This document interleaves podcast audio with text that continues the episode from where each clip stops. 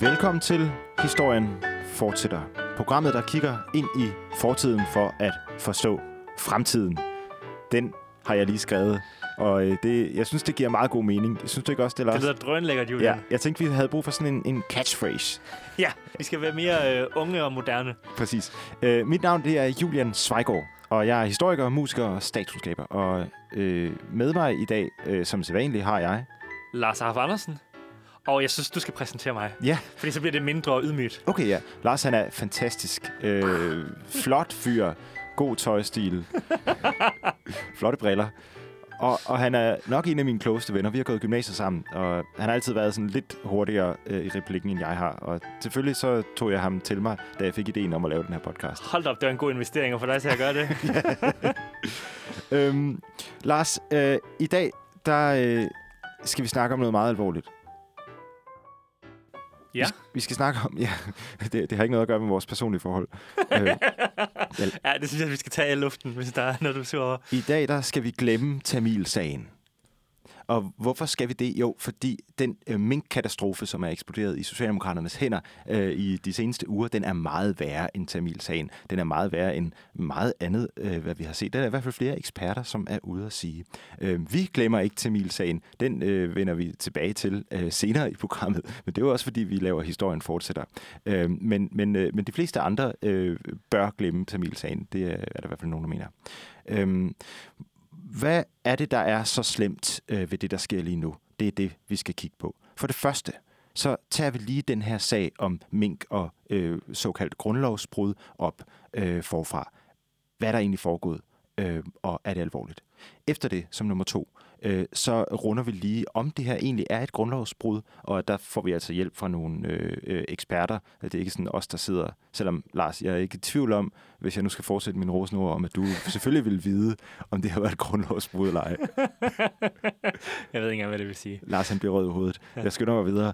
Øh, og til sidst som kapitel 3 i dag, så kigger vi på to helt oplagte sager i dansk historie, der minder lidt om det, der er i gang med at ske i dansk politik lige nu.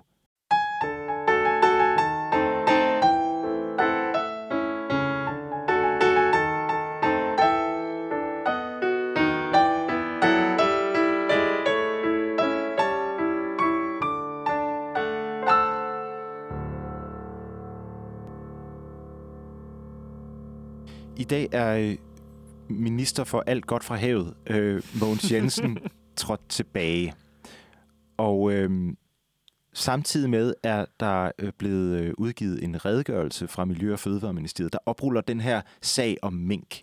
Og øh, jeg vil ikke gå i detaljer med den. Jeg synes, man selv skal gå ind og læse den. Den er 24 sider lang, og det er, som flere kommentatorer også har sagt, det er lidt som at læse en krimi. Øh, og det er, det er en meget vilde ting, der foregår. Men jeg tror, det, det vigtige er for at forstå, hvor, hvad, hvad der egentlig står i den redegørelse. Så vil jeg spørge dig, Lars. Da du, øh, da du, hvor var du, da Mette Frederiksen øh, st- stillede sig frem på det der digitale pressemøde og sagde, at nu skulle alle mink slås ned i Danmark? Jamen, øh, jeg tror næsten, jeg var i studiet med dig. Ja, Og øh, brokke mig over, at øh, det amerikanske demokrati var ved at falde sammen. det var du nemlig. Men resten af Danmark, øh, nogle af dem i hvert fald, de sad og, og fulgte med, og med, med chok og horror forstod de, at nu blev Danmark måske det nye Wuhan. Det er i hvert fald det, vi skulle det er jo godt, at vi ikke sender live mere, så der var nogen, der rent faktisk så øh, Mette, hørte Mette Frederiksens tale. Ja, ja, ellers så vil alle jo bare være øh, sidde klinet til skærmen. Øhm, det, der er interessant, det er, mens Mette Frederiksen sagde, at nu skulle alle, slås, øh, alle mink slås ned, så sagde hun faktisk noget, som er og var ulovligt. Det må man ikke bare sige, at folk skal. Det vidste Mette Frederiksen efter alt at dømme ikke. Men det var der nogle andre, der gjorde. Det gjorde nemlig en del øh, embedsmænd øh, i centraladministrationen. Øh, et par timer før pressemødet, så sendte øh, øh, Fødevareministeriet øh, en mail til Justitsministeriet, hvor de sagde, det må vi altså ikke det her.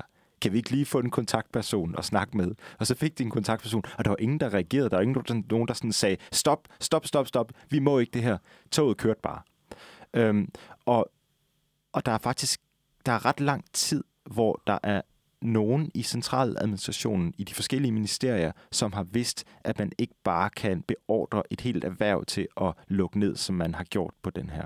Øhm, helt tilbage i den 22. september og den 1. oktober har der været sådan nogle, altså har det stået et sted, hvor, hvor, øh, hvor regeringsminister eller nogle regeringsminister har skulle kunne se det, hvor de har godkendt noget, hvor man jo faktisk efter øh, den lov, vi har i Danmark, kan sige, jamen, du har sagt god for det her. Det er dit ansvar. Ja, men måske lidt ligesom, øh, når man skal øh, få en iTunes-account, så skal man også øh, skrive under på en masse ting. Lige præcis. Og det er jo derfor, vi har et politisk neutralt embedsværk øh, i Danmark. Der er nogle embedsmænd, som sidder og, og, og, og tjekker de her ting. Altså, øh, der er ingen, der har overblik over alle love i Danmark. Derfor har man en masse embedsmænd, som, som sidder og har styr på det. Og ministeren skal jo så stole på, at embedsværket fanger de her, den her slags ting op.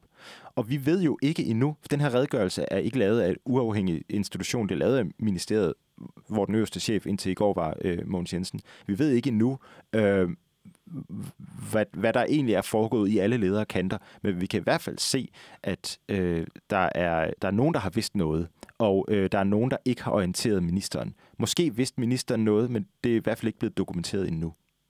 Og hvor efterlader det så os? Jo, det der er interessant, det er, at en masse embedsmænd og departementchefer har vidst noget om det her, uden at orientere deres ministre.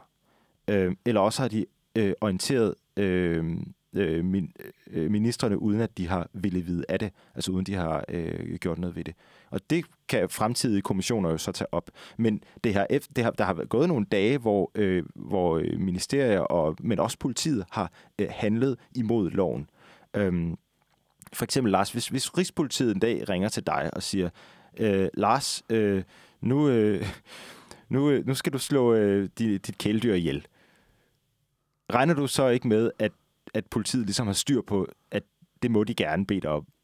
Jo, man regner med, at når politiet beder om noget, så, øh, så har de styr, mere styr på loven, end man selv har. Den her redegørelse, den viser, at Rigspolitiet har ringet rundt til minkavlere, og de har sagt til dem, at øh, øh, nu øh, må vi ikke godt komme ud og tælle, hvor mange mink I har øh, altså, til nogle forskellige øh, tekniske årsager, det må, må gerne det. Og så er de så blevet orienteret om oppefra, at hvis minkavlerne siger nej, så skal de citat sige, det er jeg ked af at høre, men beslutningen er truffet. Manglende medvirken vil derfor betyde, at du ikke får mulighed for at opnå bonusser og bla bla bla bla. bla. Du kan forvente, at myndighederne så kommer og foretager tømning af besætningen alligevel.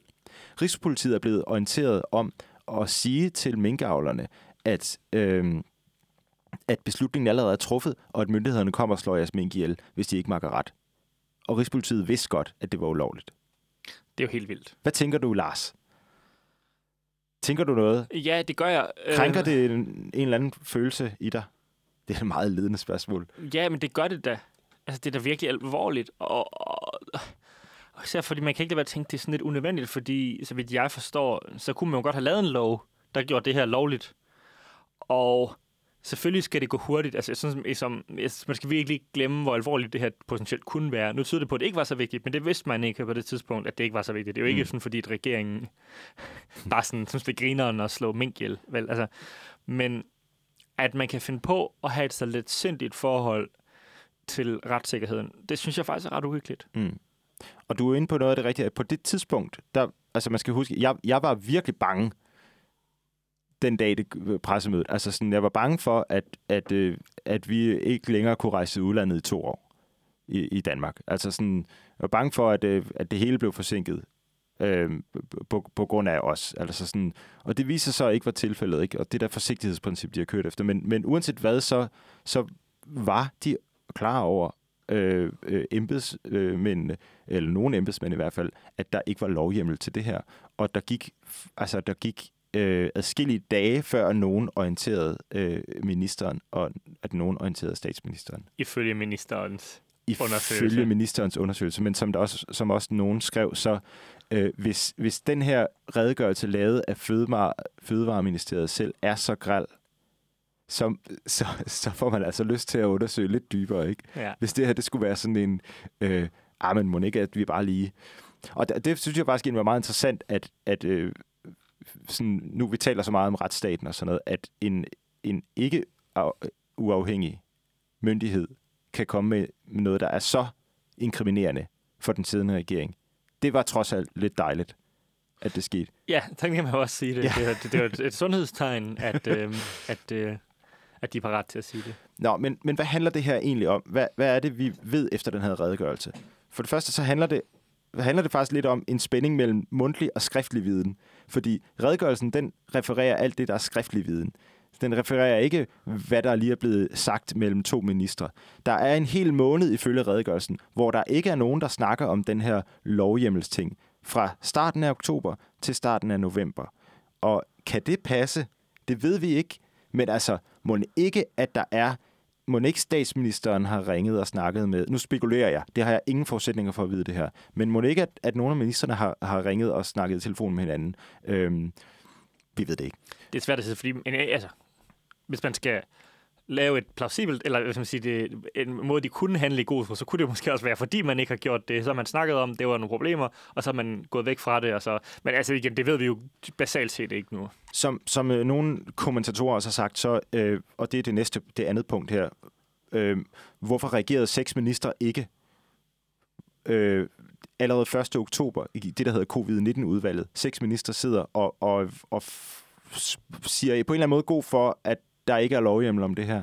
Øhm, hvorfor reagerede de ikke? Jamen, øh, de vidste jo nok ikke, at det her ville blive et stort problem. Altså, der er så mange ting, der ryger igennem hovederne, hvis man sådan skal øh, forsvare lidt, ikke? Ja, kombinationen af det faktum, at de sandsynligvis ville kunne få en lov, der ville gøre det her lovligt igennem, øh, og at der ikke er nogen, der sådan på bedre måde har prøvet at lave et cover-up, tyder på, altså i mit hoved, at det her det er inkompetence, snarere end et forsøg på øh, at, at, at bryde loven sådan bevidst.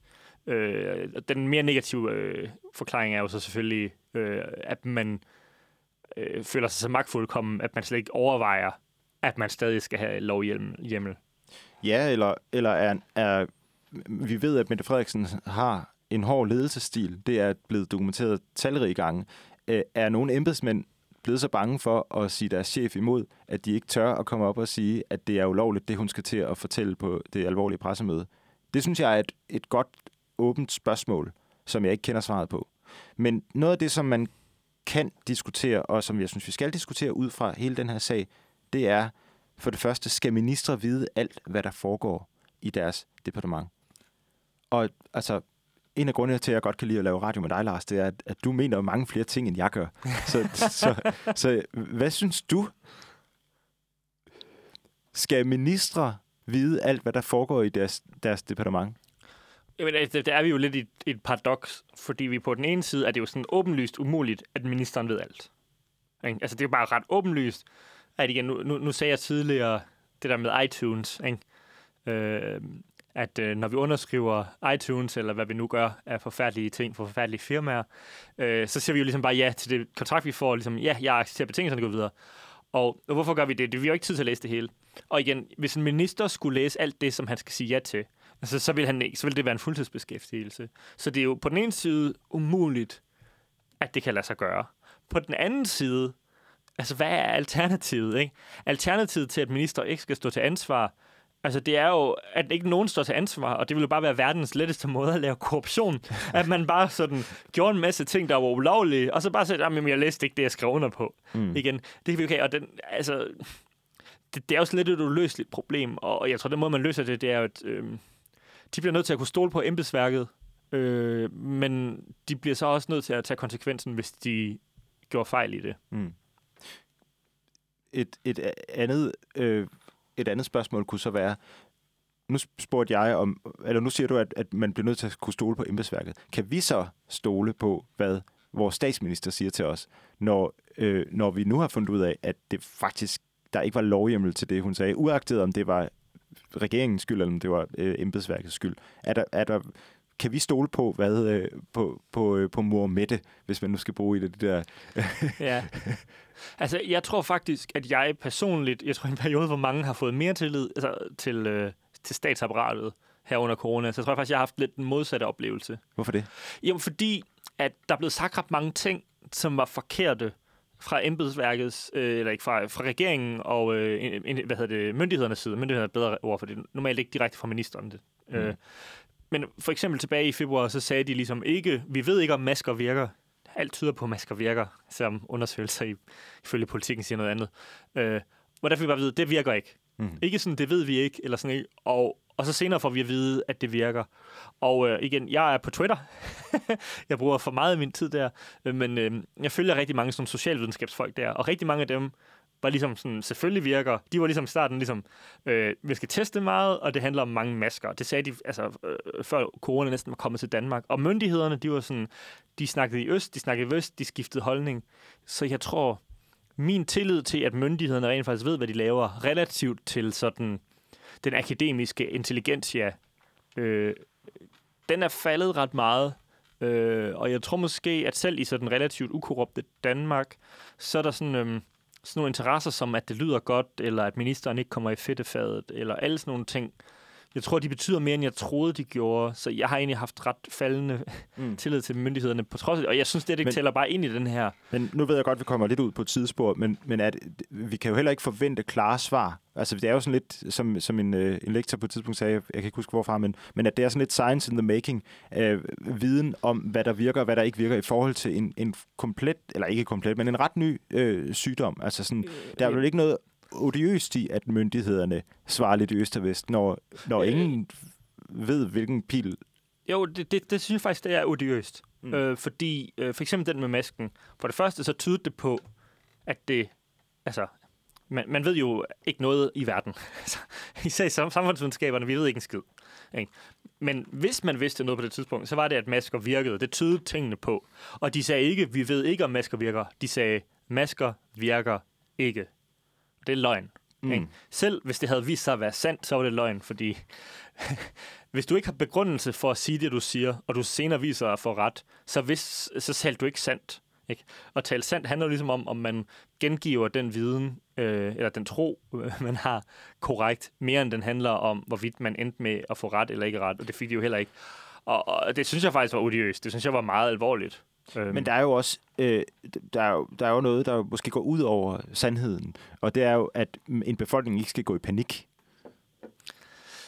Jo, men det er sgu en meget let undskyldning at bruge.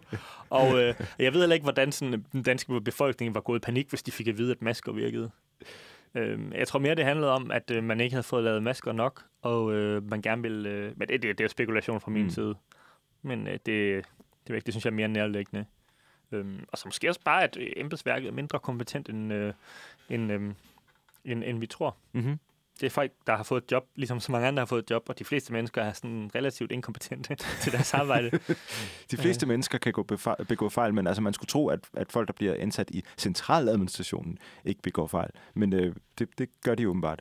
Øhm, den tredje ting, som, som jeg synes, vi kan tage op, og det synes jeg faktisk, at vi skal bruge hele næste øh, afdeling af, af afsnittet her på, det er, øh, var det et øh, grundlovsbrud, det der foregik?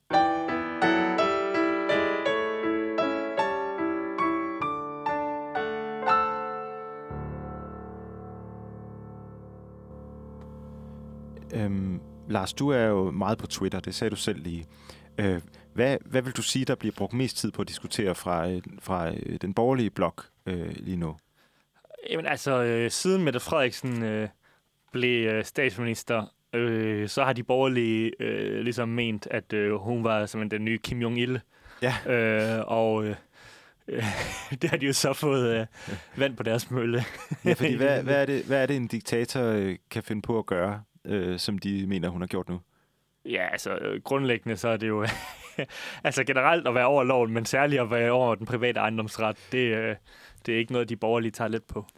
Og hvor, hvad skal man bryde, hvis man skal bryde demokratiets grundregler? Grundloven. Nemlig grundloven. ja, det, det var det, jeg fiskede efter. Øhm, øh, vi er jo ikke jurister, så jeg vil egentlig hellere sådan, øh, tage nogle eksperters ord til indtægt øh, for, hvorvidt det her er et brud med grundloven. Og Justitsministeriet selv, som jo indeholder nogle af landets øh, fremmeste eksperter, må man sige, på, på, øh, på, på dansk lov og ret, siger nej. De siger øh, i et følgebrev til den her redegørelse, der er blevet udgivet, at der, der er tale om en til, tilsidesættelse af grundlæggende forvaltningsretlige normer. Og det... Hvad, hvad skal man lige mene om det? Ja, hvad betyder det? Det betyder... Det er meget alvorligt. Altså. Ja. det er det, de eksperter, jeg har kunne læse, siger om, om, om den formulering. Det er ekstremt alvorligt. Det handler om et, et legalitetsprincip, altså at man, at man handler efter loven. Men grundloven, det er jo måske lidt noget andet, fordi grundloven, hvad, altså hvad er det egentlig, der står i grundloven? Hvad er det, hvis jeg nu spørger dig, Lops, hvad er det sådan, står der noget om, hvor, hvor høj en straf man får for tyveri, eller... Nej, altså grundloven er ikke som sådan de vigtigste love, det er de mest grundlæggende love. Så det er så at sige lovene om lovene. Ja. Det er ligesom øh, reglerne for, hvordan man laver regler. Ja, præcis. Øhm, og, og, og derfor så er det sådan, det, det er lidt, det er ikke så tit, man kan finde nogen, der decideret bryder grundloven i deres, øh, i deres ord. Øhm, hvis vi nu tager fat i en, der hedder Kim Bønsing, han er professor i øh, forvaltningsret ved Aalborg Universitet. Han sagde til P1 Morgen i morges, at principielt er der tale om et grundlovsbrud, men så er der altid tale om et grundlovsbrud, når man agerer uden hjemmel i loven, fordi at det skulle der åbenbart stå i grundloven, at man skal forvalte efter loven. Øhm, men, men så bliver han lidt sådan presset og, og, og siger, at det kommer nok af den her eksproprieringssag. Øhm, eksproprieringssag, det forstår jeg ikke helt. Ja, altså eksproprieringssag. Det handler om, at øhm, der er for, den ting, der man kan bruge til noget i forhold til den her udradering af et helt erhverv, øh, er ekspropriering. Altså, er, det, er der tale om, at man bare skal erstatte øh, et øh, øh kompensere for, øh, for tabt fortjeneste for nogen, eller, eller er der tale om, at man eksproprierer, ligesom når man, hvis, man, øh, øh, hvis staten køber et hus, fordi der skal komme en motorvej. Ja. Og nogle eksperter siger så, jamen det er i virkeligheden ekspropriering, det her. Og der står noget om ekspropriering i grundloven. Og det er derfor, at det bliver øh, omtalt som grundlovsbrud, fordi der står, at man ikke bare kan ekspropriere uden at gøre det på baggrund af en lov. Mm. Så, så det, det, det, der, det er den silver lining, der gør, at, man, at, de, at de borgerlige lige akkurat kan tale om grundlovsbrud den her gang. Og det er derfor, der ikke var grundlovsbrud øh, da, med Inger Støjbergs instrukskommission for eksempel. Fordi det var ligesom bare en lov. Men her, der kan man faktisk finde en formulering, der vedrører noget lige præcis omkring det her. Men det virker jo sådan totalt søgt, gør det ikke? Altså fordi, altså det alvorlige er vel, om man bryder loven. Altså fordi, altså der står også i, i som du siger, altså man, hvis man, altså i grundloven siger også, at man skal, eller, at man skal følge loven. Ikke? Altså sådan, ja. Altså det virker sådan Men altså, det, er jo, det er jo politik. Altså sådan, det, det, det handler jo om, hvor, hvor, hvor skarpe skud man kan, og hvor store kanoner man kan skyde sted med. Ikke? Og nu har man en mulighed for at, at, at, at faktisk få det her til at lyde meget, meget alvorligt. Det er også alvorligt, men det er måske ikke alvorligt af af den grund. Ja. Men, men, øh, men der, der er andre eksperter der også. Der er for eksempel Frederik Våge, han er professor i forvaltningsret øh, ved SDU. Øh, han siger, det overordnede billede er, at det er meget, meget bekymrende læsning. Øh, der har været dårligt samarbejde. Det er vildt, at embedsværket er fuldt bevidste om, at der ikke er hjemmel om det, øh, uden at ministerne får det at vide. Men han siger også, at det er lidt af en omvej at komme ind på et grundlovsbrud der står i grundloven, at ekspropriering skal gøres ved lov, og der var ikke lovhjemmel, så ja, det er et grundlovsbrud, men først og fremmest er det et brud med legalitetsprincippet, som jeg også var inde på før. Det er som om, at, at de eksperter, som, som jeg har kunne, kunne finde, er alle sammen sådan lidt, ah, men det er jo ikke, ja, men det er jo ikke, ja, traditionelt vil man ikke kalde det grundlovsbrud, men hårdt presset, så må de jo sige, at, at det er det jo nok. Og jeg kan ikke rigtig regne ud, hvorfor at det skal være så svært. Øh, øh, fordi for mig ser det jo klokkeklart. Det er jo nok bare et spørgsmål om, hvis jeg nu skal motivforske, det har jeg ingen baggrund for at kunne gøre for de her øh, forskere, igen fordi jeg ikke er jurist, men jeg, jeg, altså, det er jo det, det er en meget alvorlig anklage, og, og det er jo en meget politisk ting at sige, at det er grundlovsbrud, når det ikke er et spørgsmål om, at de ikke har udskrevet valg efter fire år. Ja, for det er jo derfor, det er så, derfor hvorfor virker grundlovsbrud vigtigt? Fordi ja. det virker som et angreb på demokratiet. Ja. Øhm, og det synes jeg godt, man kan lave en sag om, at hvis at, at ministerne har vidst, hvad de gjorde var ulovligt, så synes jeg godt, man kan kalde det et angreb på demokratiet. Men øh, ja, det kommer nok ikke så meget an på den her detalje, men, men, men det, det virker bare mere alvorligt. Hvis jeg, øh. hvis jeg var jurist øh, med, med forstand på øh, grundloven, så vil jeg nok, så vil jeg nok også altså, stejle lidt, hvis, hvis, hvis der blev sagt grundlovsbrud øh, med noget, der handlede om øh, ekspropriering, når det ikke handlede om det, som grundloven egentlig handler om. Ja. Hvis, ja. Men altså, Den handler også om beskyttelse af ejendomsret. Ja, det er nemlig det. Altså sådan, hvis man går tilbage historisk set, så er demokratiet jo i høj grad et, øh, et resultat af, at rige mænd gerne vil undgå, at kongen tog deres ting. Øh, så på den måde, så, så, så er det jo fundamentalt, og så især hvis du er borgerlig, så er det ikke nogen sådan ligegyldige detaljer i grundloven. øhm. Der er også, øh, altså Ken Christensen, som er lektor i sundhedsjura, tror jeg det er på Syddansk Universitet, han sagde også, det var så før redegørelsen, det er en uges tid siden, så sagde han, ja, det har klart et grundlovsbrud øh, at gøre med det her. Men, men igen, det var, det var samme årsag, og det var også til Berlingske, han sagde det. Ja, og så det, det, det vil sige, altså, jura er heller ikke en eksakt videnskab. Nej. Altså, og det tror jeg sådan, altså det er jo ligesom også noget med, at man sætter sig ned, og så vurderer man sådan nogle ting, og der er bare enormt mange gråzoner. Og, altså, jeg tror også, jura er også bare i høj grad vurderingssager, og øh, der er virkelig også mange gange, at et eller andet har sagt, om det her det er imod øh, menneskerettighedskonventionen, eller det her det er imod det ene og det andet, og så pludselig så er det ikke alligevel. Og det hænger jo bare sammen med, at man jo ikke lave eksakt videnskab omkring øh, love, der også skal kunne dække over en virkelig verden. Mm. Og noget, der ikke er en eksakt videnskab heller, det er historievidenskaben. Hvis jeg lige skulle prøve at lave sådan en smooth overgang. Og, og, og Tim Knudsen, som jeg nævnte i starten, han er godt nok øh, elektor emeritus i statskundskab, men han har skrevet mange historiebøger. Øhm, og han, det er ham, der siger det her med, at det her, det er værre end øh, Tibet-sagen, det er værre end Tamil-sagen, det er værre end Instruks-sagen. Øhm, og øh, jeg synes, øh, han siger, han bruger ikke grundlovsbrud ordet. Han siger, det er meget, meget alvorligt. Jeg synes, vi skal tage ham lidt på ordet, og så skal vi kigge lidt nærmere på øh, nogle af de sager. Nemlig øh, Tamil-sagen og Instrukskommissionssagen med Inger Støjberg som hovedperson.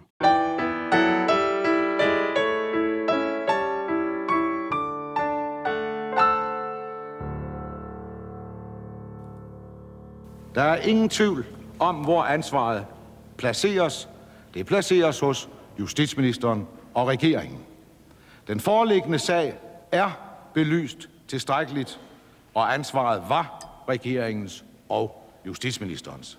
Der er ikke fejret noget ind under gulvtæppet. Det her er Danmarks tidligere statsminister Paul Slytter, der taler. Han det her det er den berømte, senere så berømte tale ved navn gulvtæppetalen. Han fortæller, at det helt klart var regeringens ansvar, de ting, der var sket, men at der altså ikke er nogen grund til at grave mere i det. Og det var der jo så nogen, der begyndte at gøre. Øh, og, og den sag, den vil jeg gerne lige gennemgå, Lars.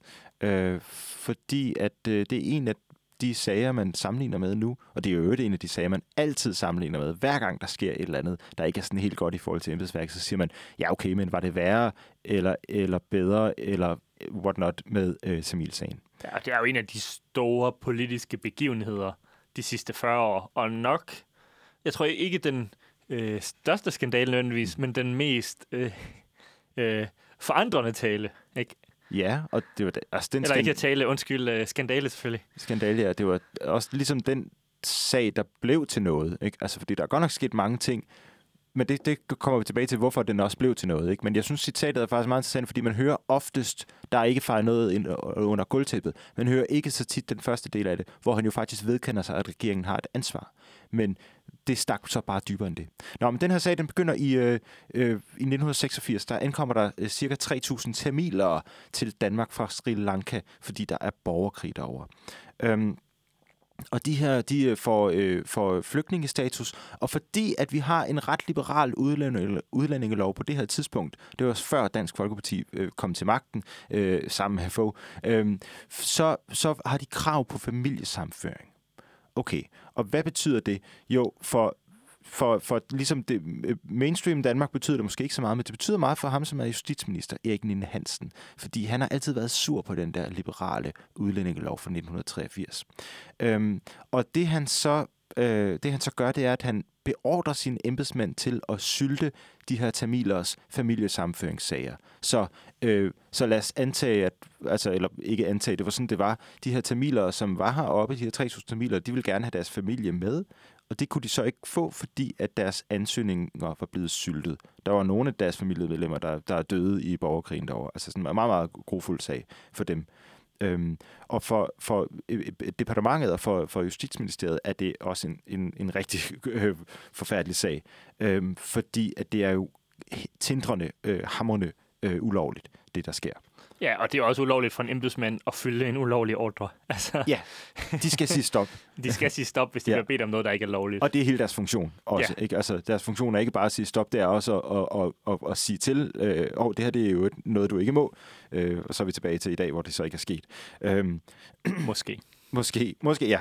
Øhm, men øh, i 1988 så øh, øh, begynder der så at komme klager fra, øh, fra både fra tamilerne, øh, der ikke kan få familiesamføring, og fra Dansk Flygtningehjælp.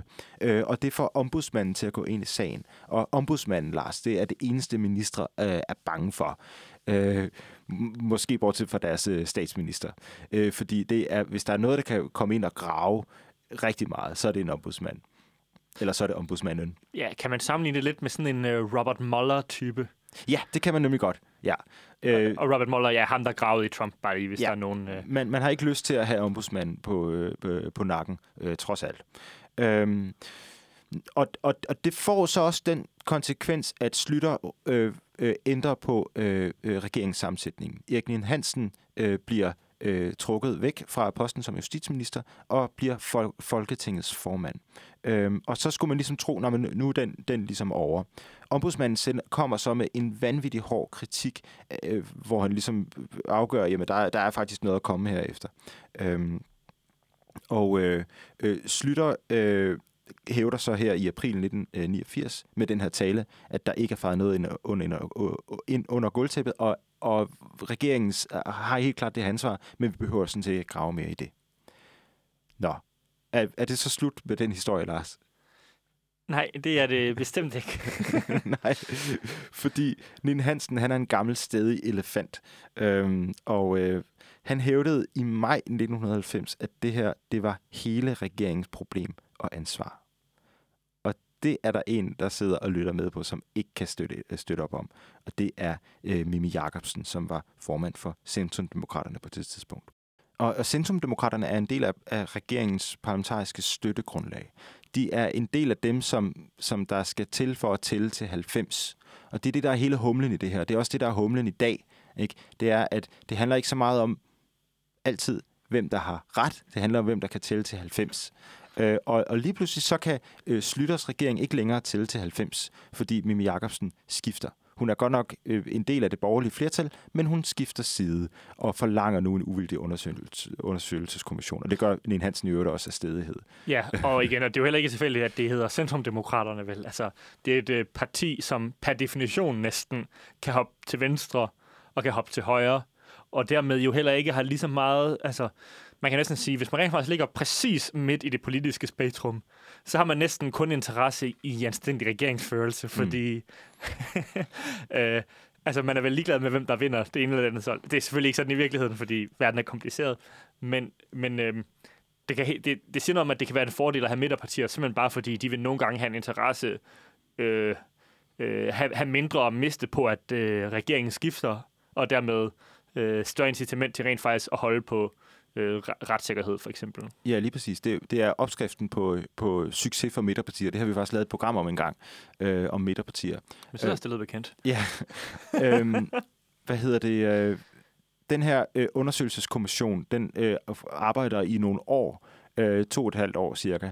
Øh, den 14. januar 1993, der afleverer de rapporten, og samme dag, så går Slytter af, afleverer regeringsmagten til Poul Nyrup, øh, også fordi, at de radikale så skifter side øh, og, og, og går i regering med, med, med Socialdemokraterne. Og resten af historien. Hvorfor fortæller jeg den her historie om Tamil-sagen? Hvad har det at gøre med i dag? Jo, kan du gætte det? Ja, altså begge dele af sager, der handler om, at en minister øh, siger til sine embedsmænd, øh, at de skal gøre noget, som er ulovligt. Ja. Og hvorfor, hvad er det, de handler ud fra? Handler de ud fra deres egen øh, opfattelse af, hvad der er rigtigt og forkert? Ja, altså Erik Hansen her, han mener, at det vil være farligt for Danmark, eller dårligt for Danmark, at få de her øh, tamiler til. Mm. Øh, og derfor ligesom, øh, øh, man kan sige, øh, laver en slags... Øh, Altså, faktisk så, der hvor jeg vil hen, og nu fisker jeg igen, ikke? men det er, at Erik Nien Hansens opfattelse var, at han handlede efter, hvad det rigtige flertal af danskerne i virkeligheden ville. Han mente, at danskerne faktisk gik ind for en hård udlændingepolitik. Så han tog det op til sin, ligesom sin egen... Øh, øh, øh, sin egen samvittighed og sin egen moralske øh, kamp og, og, og, og administrere efter, hvad han mente, danskerne i virkeligheden ville. Der ligger noget i det der med, at ministre gør noget, der er ulovligt for the greater good. De laver sådan en slags statssanktioneret civil ulydighed. De, ja, altså sådan, og det ved jeg godt, det giver ingen mening at snakke om civil ulydighed, når myndigheden... Men, men du forstår, hvad jeg vil hen. Ja, at man bryder... Øhm, det, det er jo det civile normalt er, at man følger ikke lovene af sådan en højere sagstjeneste. Ja. Og den Øh. højere sagstjeneste her var i virkeligheden demokratisk i Erik Nern Hansens øjne. Og det er jo sådan en klassisk populistisk trick. Det har vi også lavet et program om en gang. Ja. Altså, at populister hævder, at de handler efter det sande flertals ønsker. Og jeg, det er lidt den samme argument. Det er ikke sådan populisme i, i klassisk forstand, det der sker nu, men Ja, og fordi, altså grunden til, at, at regeringen måske ikke tager det her til sig så meget, det er jo fordi, det handler i virkeligheden om danskernes sikkerhed. Og øh, det handler om øh, at redde øh, befolkningen fra, øh, fra corona og fra øh, alle verdens ubehageligheder. Ikke? Det er det, der er the greater good her. Og jeg, jeg gør mig ikke til dommer af det. Jeg synes bare, det er en, en, en interessant sådan, øh, Parallel. øh, parallel at drage, som også er noget, vi kan finde i Instrukskommissionen. For mig er det helt principielt afgørende, at vi ikke vil se barnebrude i Danmark. De skal splittes ad, og det skal de, fordi jeg vil ikke acceptere, at der i mit øh, system kan være eksempler på øh, tvang. Lars, nu spurgte jeg dig tidligere, hvad du så på Twitter, når du kiggede på borgerlige kommentatorer og politikere. Hvad ser du, når du ser på venstreorienterede politikere og kommentatorer på Ja. Twitter? De siger alle sammen, at de borgerlige er nogle øhm, fucking hyklere, fordi at, øhm, at øh, dengang øh, de borgerlige øh, sad i regeringen, der øh, begik Inger Støjberg, hvad øh, alt tyder på nu, det kan være, jeg bliver sagsøgt, men alt tyder på, at hun fuldstændig overlagt øh, løg, øh, og også fuldstændig overlagt øh, lod øh, par blive adskilt, der var kommet til Danmark, fordi, den ene, fordi at en af parterne var øh, øh, umyndig, eller mm. begge var. Lige præcis. Det bliver, der bliver sammenlignet meget med den her instrukskommissionssag. Så lad os, lad os lige kigge lidt på den. Det vi hørte før, det var Inger Støjberg, der, der, der sagde, at øh, det, hun vil ikke have noget at gøre med det her. Hun vil ikke have barnebrud øh, i Danmark. I 2016 der opdager Inger Støjberg, at der angiveligt befinder sig barnebrud i, øh, på danske asylcentre. Øhm, og i, i februar, den 10. februar 2016, så kommer der så en pressemeddelelse fra Udlændinge- og Integrationsministeriet, hvor Inger Støjberg jo altså er minister på det her tidspunkt. Og der står der, at den ene, hvis den ene part er under 18 år, så skal øh, parret øh, øh, adskilles. Øh, og det skal de bare gøre. Det er det, der er blevet til den såkaldte instruks i Instrukskommissionen. Det er den, det hele drejer sig om. Fordi var det en lov, som der skulle, øh, som skulle, der skulle administreres efter? Det er det, der er hele spørgsmålet. Fordi en af parerne, de klager sig over det her. Og 28. april, der går ombudsmanden ind i sagen. Og der har vi ham igen. Ombudsmanden, det som ministre er bange for. Ombudsmanden siger så i 23. marts 2017, altså øh, over et år efter, det var ulovligt. Øhm, det her, det får ingen konsekvenser. Hvorfor? Fordi at øh, Dansk Folkeparti ikke er et midterparti. Yes, lige præcis. Dem, dem som har flertallet sammen med regeringen på det her tidspunkt, er ikke interesseret i, at det her bliver til en sag. A, fordi at alternativet i deres øjne er værre. Det kan man ikke fortægte dem i. Eller okay, det kan man måske godt. Men, men, øh, og, og B, fordi det, det er jo egentlig flugter meget godt med deres egen politik. Ja, og det er mere end det. Ikke? De siger mere eller mindre, som jeg husker det, Dansk Folkeparti, ja, vi anerkender, det er ulovligt, men det var noget, vi godt kunne lide, så vi er ligeglade. Mm. De, de sagde det ikke helt så hårdt, men det var mere eller mindre det, der var deres holdning. Mm. Men magten skifter i Danmark, og vi får en ny regering i 2019 med Mette Frederiksen i spidsen. Og hvad sker der så? Vupti, så kommer der en kommission. Så bliver der nedsat en kommission, fordi flertallet er skiftet. Det kommer 5. november 2019. Øh, og i maj 2020, der begynder vidner så at blive afhørt. Og det er det, der er smart ved en kommission i forhold til en advokatundersøgelse, eller i forhold til, øh, ja, hvad man ellers skulle finde på, ikke? Fordi, øh, eller en redegørelse fra et ministerium for nu. Fordi i en, i en kommission, der kan man øh, hente vidner ind, og så skal de udtale sig under vidne øh, ansvar. Altså, øh, så, så, Under ed. under ed, ja. Så de ikke. kommer i fængsel, hvis de lyver. man kan, man kan stille med nogle masse spørgsmål, og så kan man jo så også komme ud for, som i Tamilsagen, at en, en af de afhørte siger, at det erindrer ikke, øh, tror jeg, 100 gange, eller jeg kan ikke huske, hvor mange gange det var. Men der er lidt en øh, parallel lige nu til, øh, for nu at tage en parallel til vores forrige afsnit. Øh, Trump, han render jo lige nu rundt nu og lader som om, han ikke har tabt valget, og, øh, og siger ligesom, at der er blevet snydt der, og der er blevet snydt der, og laver alt muligt. Øh, og det gør Rudy Giuliani, en af hans medøber og sådan noget. Der er ingen af dem, der er parat til at gøre det her under ed. Ikke? Mm. Fordi de ved, at det er, det er løgn og latin, så hvis de siger det under ed, så kommer de i fængsel. Ikke? Mm. Øh, så det er bare, det er virkelig et magtfuldt våben, fordi det tvinger folk til at sige sandheden i en helt anden græs. Det er jo det der pointen. Men man skal virkelig ikke underkende det, at hvis nogen ikke er parat til at sige noget under ed, så øh, det er meget inkriminerende. Mm, ja. Øhm, men øh, Inger Støjberg selv øh, kommer jo så øh, øh, ind og bliver afhørt her, og så trækker hun en kanin op i hatten, op i hatten lige pludselig. Hun siger, Jamen, jeg havde et notat, som vi i virkeligheden administrerede efter.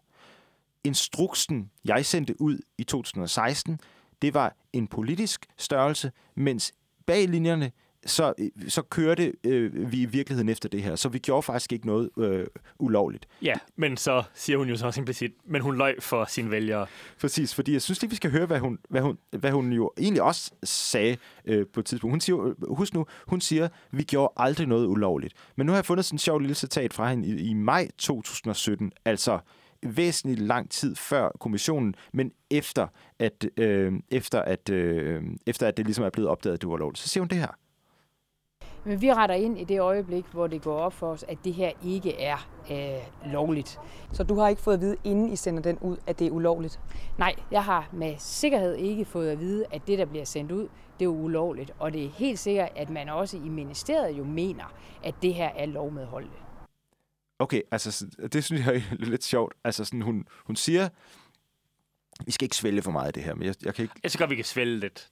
Ja, okay. Jeg synes, det er fuldstændig uhørt. Hun, hun, hun siger lige pludselig nu, at hun sagde på det her tidspunkt, og det her, at, at hun retter ind i det øjeblik, det går op for hende, det er ulovligt.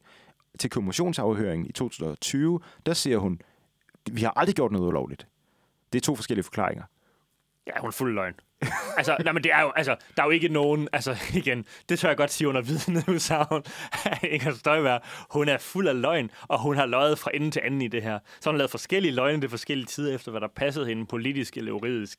Men der er jo ikke nogen rationel forklaring på hendes opførsel, som ikke indebærer, at hun er, har løjet om det her mere eller mindre hele tiden. Min, jeg synes, vi skal afvente den kommissionsberetning. Jeg, jeg, jeg, jeg synes trods alt ikke, at vi skal sige, at Inger Støjberg er fuld af løgn. Nej, det siger jeg.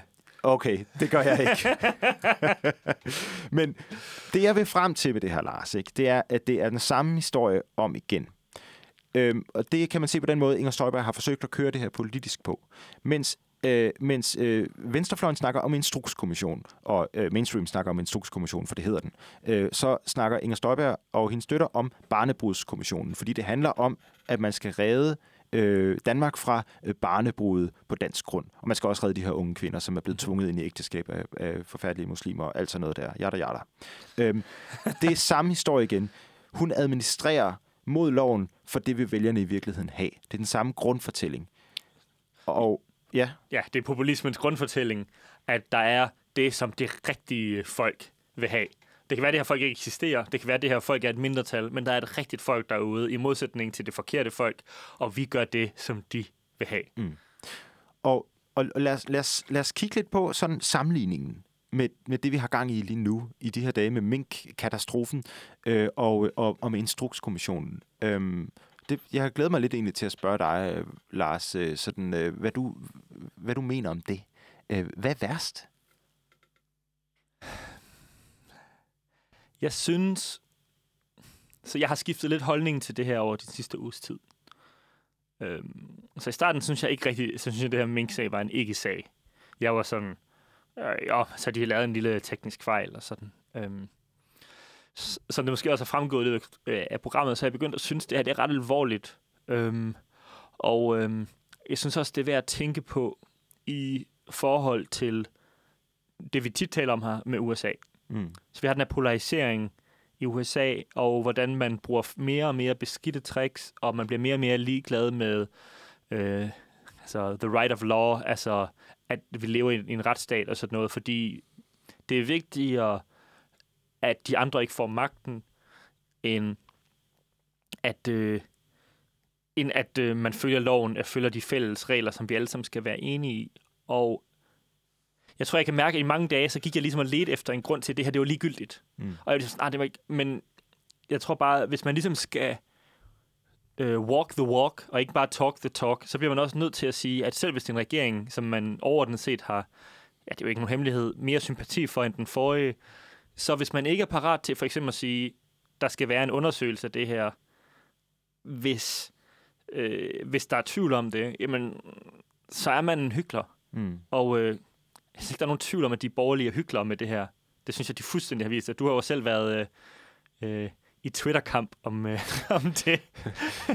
ja, jeg, jeg prøvede at lave et hot take øh, på øh, Simon Emil Amitsbøl, som, som han kom op på en høj hest, og det, det irriterede mig en lille Og smule. jeg kan sige, hvad det var, det, det handlede om mere præcist. Han sagde, han skrev, at han som det eneste blå mandat havde støttet øh, øh, Instrukskommissionen mod samme Inger Støjberg.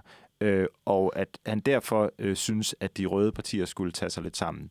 Og så googlede jeg bare lige hurtigt, sådan, fordi jeg synes, der var noget med ham og statsløsekommissionen dengang. Som Det var- Peter Røn Hornbæk. Øh, en, en lidt lignende sag. Ja. Øh, et- ja. og hvor jeg bare fandt et gyldt, øh, gyld, en gyld artikel, hvor samme Simon Emil Amitsbøl går ud og, og freder hende fra en uvildig undersøgelse.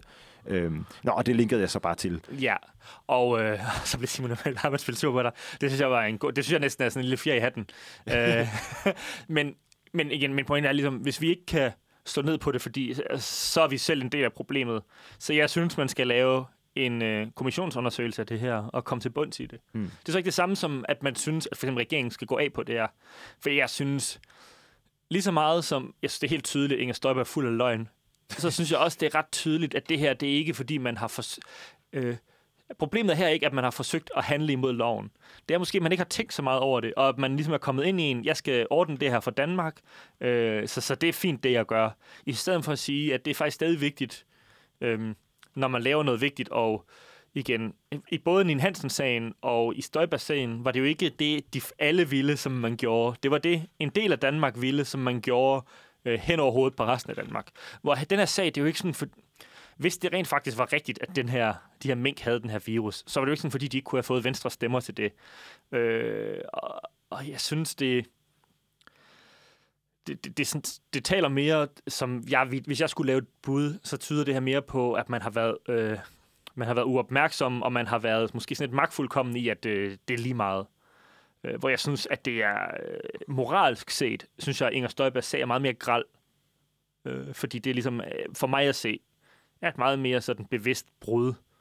Øh, at man har bare valgt at ignorere loven, for det her det er mere sådan, at man har ikke haft styr på tingene, virker det som. Ja, fordi det er jo ligesom øh, apologeternes øh, forsvar øh, for, øh, for, for, øh, for regeringen nu. ikke. Det er jo ligesom, at øh, de, jamen, de vidste jo ikke bedre. Øh, det gjorde Inger Støjberg. Det er den sammenligning, man... Sådan, jeg tror, det var Pelle Dragsted, der har lavet sådan meget mm. omtalt øh, tweet om, om det. Øh, og så kommer alle de der øh, screenshots fra redegørelsen, hvor der jo så står, jamen, øh, ministerne var jo orienteret. Og det er jo så den diskussion, vi også havde tidligere. Var de orienteret? Men summa summarum er, at de har jo ansvaret for, at de skulle være orienteret, når de siger, at de er orienteret. Det er det, vores øh, ministeransvarlighed er bygget op omkring. Men hvad konsekvenserne er, det er ikke trivielle. Altså fordi, altså der er jo aldrig nogen regeringer, der kommer igennem noget uden skandaler. Jeg synes, det er alvorligt. Og igen, og i modsætning til Inger Støjbergs sag, så altså, øh, altså, både de mulige konsekvenser, hvis hun ikke gjorde det, og de mulige konsekvenser af, at hun gjorde det, er på nogen måde større. Altså selvfølgelig har det større menneskelige konsekvenser. Altså, man snakker om barnebrud. Mange af dem var jo sådan, altså nogle af dem var rent faktisk barnebrud, som vi forstår det. Et lille barn med en gammel klam mand. Ikke? Ja, nu antager jeg, at de er klamme, hvis de øh, Men nogle af dem var også ligesom bare, lad os sige, en 16-årig pige og en 17-årig mand, som er i, alene i et fremmed land og bliver revet væk fra hinanden. Det er jo noget, det vi har været super Trump over, han gør i Mexico. Det er altså også ret alvorligt. Det har også menneskelige konsekvenser, som er betydeligt større end en mink-avler, der skal miste sit erhverv. Men Den tror jeg, at folk vil være uenige i. altså, det er jo måske i hvert fald. Øh, det, det er jo sådan et ret voldsomt indgreb mod, mod ret mange menneskers arbejdspladser øh, og deres livsværk Øh, fordelt jeg- jeg flere underkender-.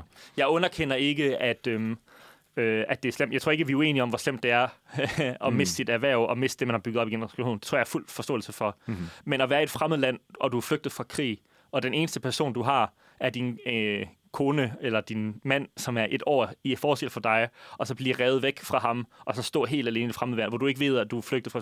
Det synes jeg også er ret alvorligt. Og igen, Inger Støjberg vil hele tiden have det her til at handle om, at det ligesom er børn og gamle mænd, og det var nogle af dem også. Og, det, øh, og igen, men instruktionen også lige, at det hun sagde var ikke, øh, vi skal adskille de her. Det er, vi skal adskille de her, uden at se på, om det giver mening i den konkrete situation. Mm-hmm.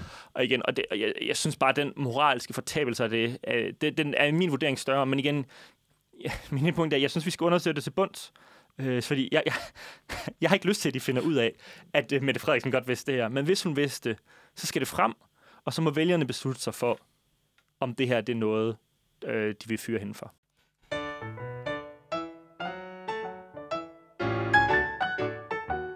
Du har lyttet til Historien fortsætter. Programmet er tilrettelagt af mig, Julian Zweigård, og så har jeg desuden lavet og indspillet musikken, som du har hørt undervejs. Min medvært er Lars Harf Andersen, og vi vil begge to gerne takke dig, kære lytter, for at du har brugt din tid i vores selskab. Hvis I gerne vil øh, følge os på Facebook, så kan I finde os på Historien Fortsætter og give os et like og et follow.